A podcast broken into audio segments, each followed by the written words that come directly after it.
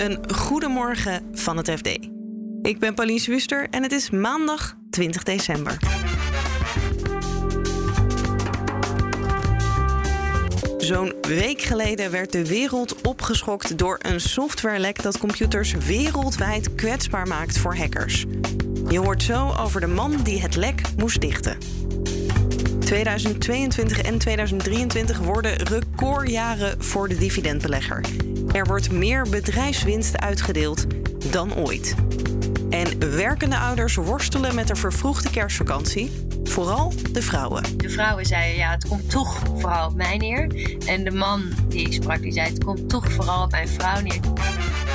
Dit is de dagkoers van het FD.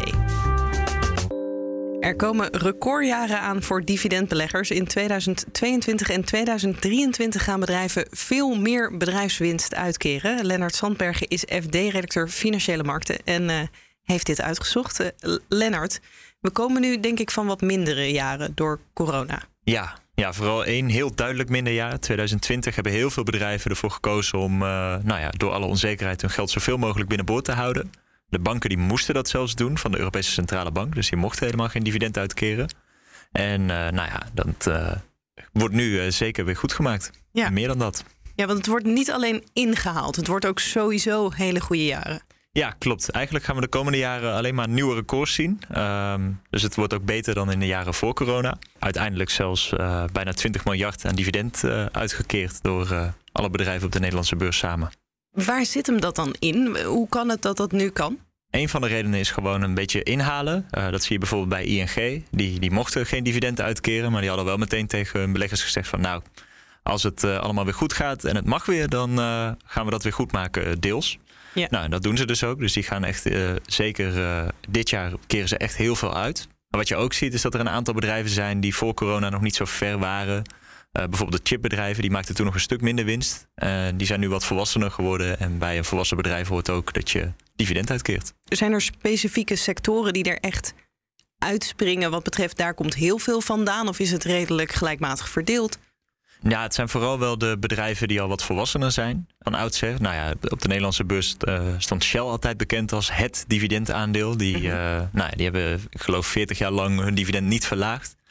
Uh, totdat corona kwam, want toen was er opeens en veel minder vraag naar olie en was de olieprijs een stuk lager. Dus toen moesten ze toch in één keer flink terugschroeven. Dat was echt historisch. En die hebben we in deze analyse niet meegenomen, omdat het heel erg vertekent. Nou ja, ja. Shell gaat ook deels verhuizen natuurlijk naar Londen. Dus we hebben even gekeken naar wat uh, alle andere bedrijven qua dividenden doen. Vrijwilligers hebben overuren gedraaid om computers wereldwijd te beschermen tegen een lek in de software van Apache. Jan-Fred van Wijnen, FD-redacteur Technologie en Innovatie, legt uit waar deze software allemaal voor gebruikt wordt. Apache is eigenlijk een verzamelnaam voor heel veel stukjes software die allemaal helpen om contact te maken met, met webservers. En dat is ooit heel klein begonnen. Het begon met een, een clubje wetenschappers die zelf software nodig hadden, hè, 40 jaar geleden, zowat om. Uh, om uh, toegang tot uh, databestanden over de hele wereld te krijgen. En die, die, software bestond niet, die zijn ze gaan bouwen. Dat is allemaal veel groter geworden. En gaandeweg is dat nou, door uh, praktisch iedereen in de wereld gebruikt. Nou, praktisch iedereen.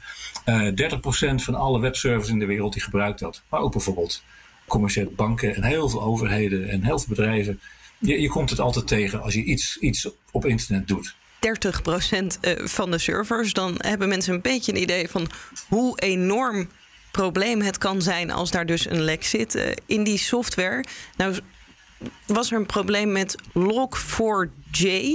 Alle computers hebben een. Uh, en, en alle, alle systemen voor webservers die hebben een soort logboekje waarin je kunt zien wie daar toegang toe heeft gevraagd. En dan kan je dingen reconstrueren. Dat is simpel gezegd Log4j. En daar is, nou ja, hackers hebben een mogelijkheid gevonden om daar wat uh, foute code in te smokkelen. Zodat ze dat logboekje zelf contact kunnen laten leggen met de buitenwereld, met het internet. En dat logboekje kan dan uh, allerlei foute software binnenhalen, nou ransomware meestal, waardoor je computers uh, gegijzeld worden totdat je bitcoins gaat betalen aan de, uh, de bad boys. Ja. Nou, dat is het simpel gezegd. Het is misschien niet eens een lek of een fout in dat log4j-bestandje. Maar het is eigenlijk meer dat dat bestandje fout is gebruikt door nou ja, de gebruikers van die software. Ja, dat is dus wat de mensen van Apache vertellen. Het programma zelf, het Log4j-programma zelf, bevat niet een, een, een lek, maar je kunt uh, op allerlei manieren kun je de toegang uh, en daarmee de veiligheid van de toegang tot je computersystemen kun je zelf instellen. Dat kun je dus ook doen op een manier die, uh, die gevaarlijk is en die het programma vatbaar maakt voor software die van buiten naar binnen wordt gebracht. Uh, alleen zij hebben er zelf nooit rekening mee gehouden dat gebruikers dit zouden doen. En dan ook nog eens een keer in een complete computerpark ook weer allemaal software die daarmee samenwerkt, ook nog eens een keer onveilige instellingen hebben gegeven. Kortom, er is iets uh, van een, uh, een totale ramp ontstaan die ze nooit hadden kunnen voorzien. Dus ze zijn nu aan het zoeken naar een manier om die software veel moeilijker aanpasbaar te maken. Ja, dat de bedrijven niet eh, of instellingen. Dat ze niet zelf zitten te, te, te, te pielen om het, eh, waardoor, de, waardoor de toegang uh, onveilig wordt. Nou, heb jij met collega Stijn van Gils, een van de medeoprichters, gesproken van uh, Apache, van het collectief van vrijwilligers. En ik begrijp dat die eigenlijk al een hele hoop tijd voordat wij wisten als wereld van dit lek al bezig was om het te fixen. Ja, ja die is, dat is dus uh, Dirk Willem van Gulik. Nou, die is inderdaad heel druk geweest de afgelopen weken. En hij kreeg dus ook binnen, nou ja, zijn club, uh, de eerste melding. In dit geval van het, het veiligheidsteam van Alibaba, het Chinese, de Chinese webwinkel. Dat ze iets hadden ontdekt in hun logboek dat niet goed stond ingesteld en waardoor misschien wel eens fout software naar binnen zou kunnen glippen. En misschien komt het wel bij meer bedrijven voor. Nou, een eerste reactie was: dat is heel gek. Dat, dat, dat doen mensen niet. Mensen, mensen gaan niet bewust uh, die veiligheidsinstellingen aanpassen. Um, en al snel kwamen ze erachter dat heel veel bedrijven dat deden. Um, heel veel gebruikers, moet ik zeggen. Ook uh, overheden, ook ziekenhuizen, et cetera. En toen zijn ze heel snel een softwareoplossing gaan bedenken. Een, een update die je moest installeren. en pas toen ze zeker wisten dat ze dat hadden, nou, daar hebben ze ongeveer een week over gedaan. Toen is het bekendgemaakt dat dit lek bestond en dat je er wat, aan kan doen. En de vervroegde kerstvakantie is begonnen en het is flink aanpoten voor de werkende ouders. Elfanie Toulaar is FD-redacteur arbeidsmarkt en ging vrijdag het schoolplein op. Kijk, Mark Rutte zei in zijn persconferentie: vraag nou niet opa en oma om te komen oppassen, maar ga lekker met je eigen gezin, lekker in je eigen bubbeltje zitten, want dan hou je de verspreiding van het virus het meeste tegen. Maar de ouders die ik heb gesproken, ja, die, voor hen is dat gewoon onmogelijk. Dus um, die schakelen wel zeker grootouders in. Ook omdat die grootouders dat ontzettend leuk vinden en, en de oppas wordt ingeschakeld. Terwijl ik ook een moeder sprak die zei: Ja, balen, de oppas die wil nu ook niet meer komen, want die vindt het ook niet zo'n goede timing. Ik heb ook een aantal van die professionele oppasservices uh, gesproken. En die draaien natuurlijk ook over uren. Ja, en, en ik begrijp zelfs uh, ver in het nieuwe jaar. Ja, ja. Dat uh, vertelde uh, de oprichter van uh, Charlie Care, zo'n hele grote oppasservice. Die zei: Ja, ouders zijn nu al bang vanwege die Omicron-variant.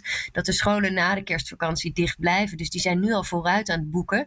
In de angst dat ze dan anders naast de pot pissen. Om dan al oppas, een oppas te hebben voor de kinderen. Voor het geval de scholen dan dus inderdaad nog dicht zijn. Wat mij ook opviel is dat eigenlijk het heel veel vrouwen zijn, nou ja, die jij ook hebt gesproken, maar ook als je een man sprak, dan zei hij dat het uh, de zorg toch voornamelijk bij zijn vrouw terecht ging komen. Ja, flauw hè? Automatisch blijkbaar nemen moeders de meeste zorg voor hun kinderen op zich. Ook als ze het zelf heel erg druk hebben, fulltime werken, met een eindejaarssprint zitten.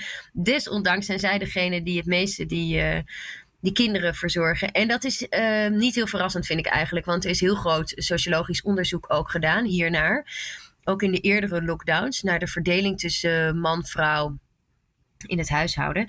En uh, daaruit blijkt dat tijdens de eerste lockdown leek het er heel eventjes op dat mannen meer gingen doen in het huishouden en meer voor de kinderen gingen zorgen. Dat was ook eventjes zo.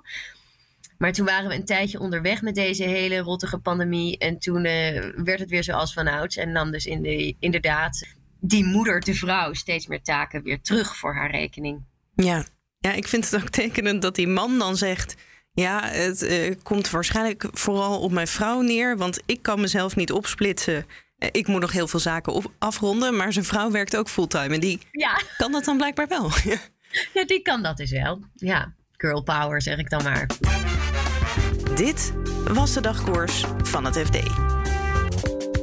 Op fd.nl lees je meer over deze onderwerpen en volg je het financieel-economisch nieuws. Morgenochtend is dagkoers weer te vinden in je favoriete podcast-app. Een hele fijne dag en tot morgen.